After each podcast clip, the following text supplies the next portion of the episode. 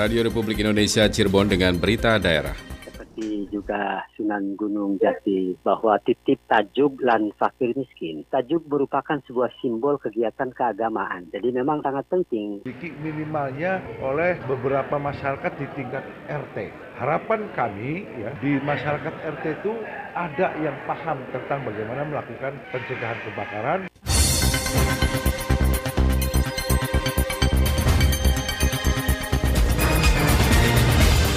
Sari berita, Festival Tajuk di Keraton Kasepuhan Kota Cirebon menurut rencana akan dibuka oleh Wakil Presiden Kiai Haji Ma'ruf Amin. Seluruh ketua RW di Kota Cirebon mengikuti penyuluhan masyarakat siaga kebakaran. Bersama saya Muhammad Subhan, inilah berita daerah selengkapnya.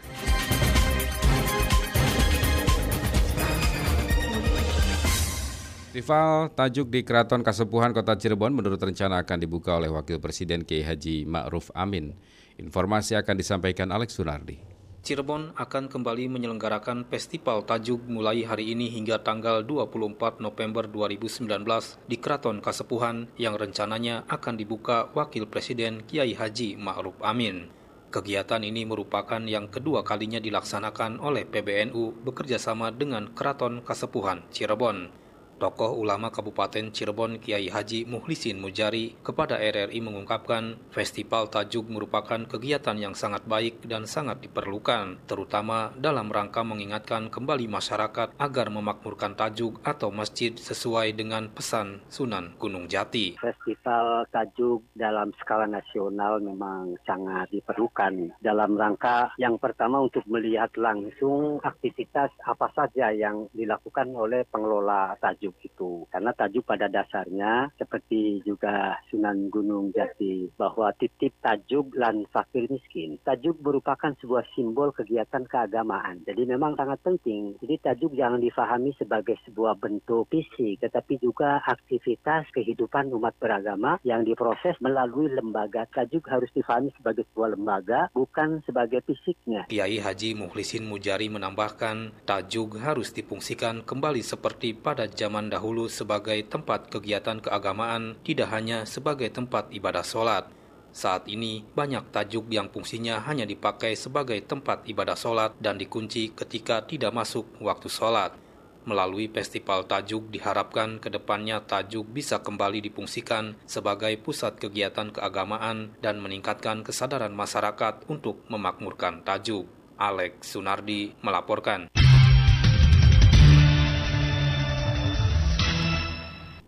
Pendengar berikut komentar masyarakat mengenai Festival Tajuk yang berhasil dihimpun RRI. Ya saya sebagai warga masyarakat sangat setuju sekali dengan digelarnya Festival Tajuk yang rutin setiap tahunnya dan memang untuk acara Festival Tajuk menurut saya jangan hanya sekedar seremonial. Jadi harus bisa menarik orang untuk berbuat kebaikan, memakmurkan masjid, dan juga peduli akan fakir miskin seperti yang diamanatkan oleh Kanjeng Sunan Gunung Jati ingsun titip tajuk dan fakir miskin. Dan memang itu memang harus dipraktekkan dalam kehidupan sehari-hari. Jadi untuk rangkaian festival tajuk yang digelar setiap tahun kalau bisa ada sesuatu yang baru sesuatu yang berbeda dari tahun-tahun sebelumnya. Jadi untuk penyelenggaraan tahun ini saya harap sebagai warga masyarakat Cirebon harus bisa berdampak pada kehidupan masyarakat kota Cirebon khususnya untuk bisa mengajak semua warga untuk bisa sholat di tajuk berbuat kebaikan kepada fakir miskin dan peduli. Kami menyambut baik dengan diselenggarakannya Festival Tajuk karena semakin meningkatkan silaturahmi antara umat muslim untuk Selain itu, kami pun berharap dengan adanya kegiatan ini semakin memperkokoh persatuan dan kesatuan dan menjaga perdamaian bagi negara kesatuan Republik Indonesia. Masyarakat kota Cirebon pastinya bangga dengan digelarnya festival tajuk di kota Cirebon yang dihadiri oleh Wakil Presiden Republik Indonesia. Harapannya ke depan festival tajuk ini bukan si bersifat seremonial belaka, tetapi pemerintah lebih memperhatikan masjid-masjid dan musola yang ada di kota Cirebon, khususnya terkait permasalahan operasional masjid dan musola itu sendiri. Seluruh ketua RW di Kota Cirebon mengikuti penyuluhan masyarakat siaga kebakaran. Informasi disampaikan Lengga Ferdiansyah. Dinas Pemadam Kebakaran Kota Cirebon mengadakan penyuluhan masyarakat siaga kebakaran mulai tanggal 21 hingga 22 November 2019 di salah satu hotel di Kota Cirebon. Kegiatan ini diikuti oleh seluruh ketua RW dan Linmas di lima kecamatan sekota Cirebon. Wali Kota Cirebon Dr. Les Nasruddin Ajis menyambut baik atas terselenggaranya penyuluhan tersebut. Kebakaran di lingkungan pemukiman lebih sulit penanganannya dibandingkan kebakaran di hutan, sehingga pengetahuan pencegahan kebakaran sangat penting diberikan kepada masyarakat. Para ketua RW diharapkan menularkan pengetahuannya kepada warga untuk meminimalisir kebakaran. Minimalnya oleh beberapa masyarakat di tingkat RT. Harapan kami ya di masyarakat RT itu ada yang paham tentang bagaimana melakukan pencegahan kebakaran maupun penanggulangan kebakaran, termasuk meminimalisir resiko kebakaran tersebut. Saya harapkan kegiatan ini itu kemudian di breakdown turun sampai ke masyarakat RW dan RT. Nah ini bisa dimulai kegiatan ini di tingkat kelurahan menyelenggarakan yang anggotanya itu adalah masyarakat RW-RW yang ada. Sementara itu Kepala Dinas Kebakaran Kota Cirebon Adam Nuridin mengatakan kegiatan ini merupakan pembekalan penanganan dini terhadap musibah kebakaran. Kami sebenarnya ini mengundang dari tiap kelurahan tuh RW, teman ya terserah kelurahan ada yang dari RW dari Hansip. Jadi itunya ngasih pembekalan. Bagaimana penanganan dini jadi pra kebakaran. Kami ngasih pembekalan kepada para jajaran di tingkat kelurahan dapat mengetahui apa sih penyebab-penyebab kebakaran terus bagaimana penanganannya. Diharapkan Adam Nuridin dengan adanya kegiatan ini masyarakat dapat menekan potensi kebakaran dan bisa seminimal mungkin mencegah terjadinya kebakaran. Lengga Fediansah melaporkan. Dana CSR perusahaan di Kabupaten Cirebon selama tahun 2019 teralokasi sebesar 5 miliar rupiah. Yulianti menurunkan laporannya. Konteks pembangunan daerah yang ideal diperlukan peran para pihak dalam melaksanakan tugas sesuai otoritas dan tanggung jawabnya. Pemerintah memiliki peran sebagai regulator, fasilitator, dan untuk pemberdayaan pembangunan harus ada regulasi yang dibuat untuk mensejahterakan masyarakat. Salah satu regulasi itu adalah Peraturan Bupati Nomor 76 Tahun 2017 yang mengatur mekanisme pelaksanaan tanggung jawab sosial perusahaan kepada lingkungan sekitar. Demikian disampaikan Bupati Cirebon Imron Rosyadi kepada media usai menyerahkan penganugerahan CSR tahun 2019. Menurut Imron, regulasi ini mengatur bagaimana seharusnya dunia usaha terlibat dalam pembangunan daerah menggunakan sumber daya perusahaan yang ada. Diharapkan kebutuhan pembangunan infrastruktur, sosial dan ekonomi yang tidak terfasilitasi dari sisi perencanaan dan penganggaran mikro dapat dilaksanakan dunia usaha. Namun Imron meminta perusahaan juga melibatkan pemerintah dalam pelaksanaan kegiatan berbasis CSR. Kami banyak itu dari perusahaan sendiri yang langsung actionnya. Tapi kami ingin bentuk dari forum ini bahwa oke okay lah dari perusahaan itu, tapi kami harus hadir. Dia memberikan beasiswa, tapi pemberian eh, beasiswa ini dalam satu forum kami juga harus diundang supaya hadir tahu. Jangan cuma sekedar laporan-laporan angka, tapi laporan kegiatannya juga kami diundang supaya peran kami hadir kepada masyarakat itu. Sementara Kepala Badan Perencanaan Pembangunan Penelitian dan Pengembangan Daerah Bapelit Bangda, Deni Subdiana mengatakan, CSR tidak bisa dilepaskan untuk pencegahan kemiskinan karena kemiskinan dipengaruhi tiga faktor yaitu pendidikan, kesehatan, dan daya beli.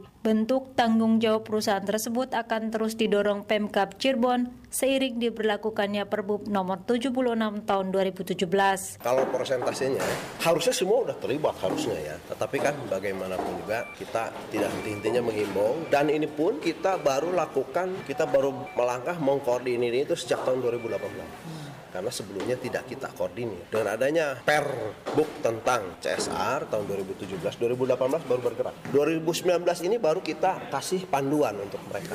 Ini loh kegiatan Kabupaten Cirebon yang harus disupport oleh CSR. Kita punya bukunya. Kita kita ketahui Kabupaten Cirebon itu selalu kemiskinan tinggi, pengangguran tinggi, pendidikan rendah, kesehatan. Dedi Subdiana menegaskan, program CSR yang terinventarisir selama 2019 sebesar 5 miliar rupiah diperuntukkan bagi kepentingan masyarakat. Pihaknya berharap tahun 2020 ada kenaikan 10 hingga 15 persen CSR yang teralokasi untuk pemberdayaan masyarakat. Sambut Hari Pohon Sedunia dan demi wujudkan ruang terbuka hijau di Kota Cirebon, PT KAI Daops 3 Cirebon menanam 122 pohon buah mangga gedong gincu dan matoa di stasiun Perujakan Cirebon. Laporan disampaikan Aji Satria. PT Kereta Api Persero Daup 3 Cirebon terus berinovasi untuk meningkatkan pelayanan kepada pengguna jasa transportasi kereta api. Kali ini bertepatan dengan Hari Pohon Sedunia, jajaran PT KAI Daup 3 Cirebon dipimpin oleh Vice President PT KAI Daup 3 Cirebon, Tamsil Nur Hamedi melakukan aksi penanaman 122 pohon di lingkungan stasiun Cirebon Perujakan. Kegiatan ini merupakan bentuk kepedulian PT KAI terhadap kelestarian alam dan menjaga lingkungan stasiun menjadi bersih, asri, dan hijau. Penanaman sebanyak 122 pohon oleh PT KAI Dop 3 Cirebon juga memiliki filosofi tersendiri. Tahun 2019 merupakan tahun penataan dan pengembangan untuk stasiun Cirebon Perujakan. 122 pohon yang ditanam adalah simbol bahwa stasiun Cirebon Perujakan yang didirikan pada tahun 1897 telah melayani pengguna jasa kereta api selama 122 tahun. Penanaman dilakukan di sekitar lahan tidak produktif seluas kurang lebih 2 hektar yang terletak di antara jalur kereta api dari arah Cirebon ke Purwokerto dan Cirebon ke Tegal dan lahan tersebut dinamai Taman Buah Perujakan. Pohon yang ditanam merupakan pohon buah berjenis matoa dan mangga gedong gincu dengan harapan Taman Buah Stasiun Cirebon Perujakan nantinya dapat memberikan manfaat turut mengurangi polusi dan menjadi paru-paru bagi kota Cirebon ke depannya. Penanaman pohon ini wujud kepedulian PTKI terhadap kelestarian lingkungan dengan menanam 122 pohon di Cirebon Bujakan momennya sekaligus pas ngambil pas hari pohon sedunia. Dan ini harapannya juga bukan yang pertama ini memulai dan seterusnya uh, berkelanjutan untuk stasiun-stasiun yang lain sehingga kita lebih menjaga kelestarian lingkungan sesuai misi visi misi kereta api. 122 pohon mangga gedong gincu dan matoa. Sekarang ini namanya itu Taman, Taman Buah Perujakan. Jadi di lingkungan stasiun juga tetap asri dan menghasilkan. Salah satu RTH di kota Cirebon juga ya Pak ya? Iya. Luas lahannya berapa Pak yang ditanam? Plus minus 2 hektar. Sementara itu, Wali Kota Cirebon, Nasruddin Aziz melalui Kepala Dinas Lingkungan Hidup Pemerintah Kota Cirebon, Haji Abdul Syukur, mengapresiasi dan bangga akan kesungguhan dari pihak PT KAI Dop 3 Cirebon yang ikut memikirkan keasrihan lingkungan dan memperbanyak ruang terbuka hijau atau RTH. Aji Satria melaporkan. Berita olahraga. Berita olahraga. Enam atlet pelajar Kabupaten Cirebon memperkuat kontingen Jawa Barat pada Pekan Olahraga Pelajar Nasional atau Popnas tahun 2019 yang berlangsung di Jakarta. Mereka antara lain Salma Luciana, M. Said, dan Abir Rahmani di cabang olahraga pencaksilat, serta Kitarah Naurah, Cindy Putri Natania, dan Ferdiansah di cabang olahraga atletik. Pengurus Badan Pembinaan Olahraga Pelajar Seluruh Indonesia Kabupaten Cirebon Agus Nurdiana kepada RRI mengharapkan agar para atlet Kabupaten Cirebon yang sedang memperkuat kontingen Jawa Barat di Popnas tersebut bisa memberikan kontribusi yang maksimal. Peluang meraih medali emas ada di cabang olahraga pencaksilat, terutama Salma Luciana yang beberapa waktu lalu berhasil meraih medali emas di Prapon. Peluang atlet-atlet lainnya di cabang atletik untuk memperebutkan medali emas juga cukup besar.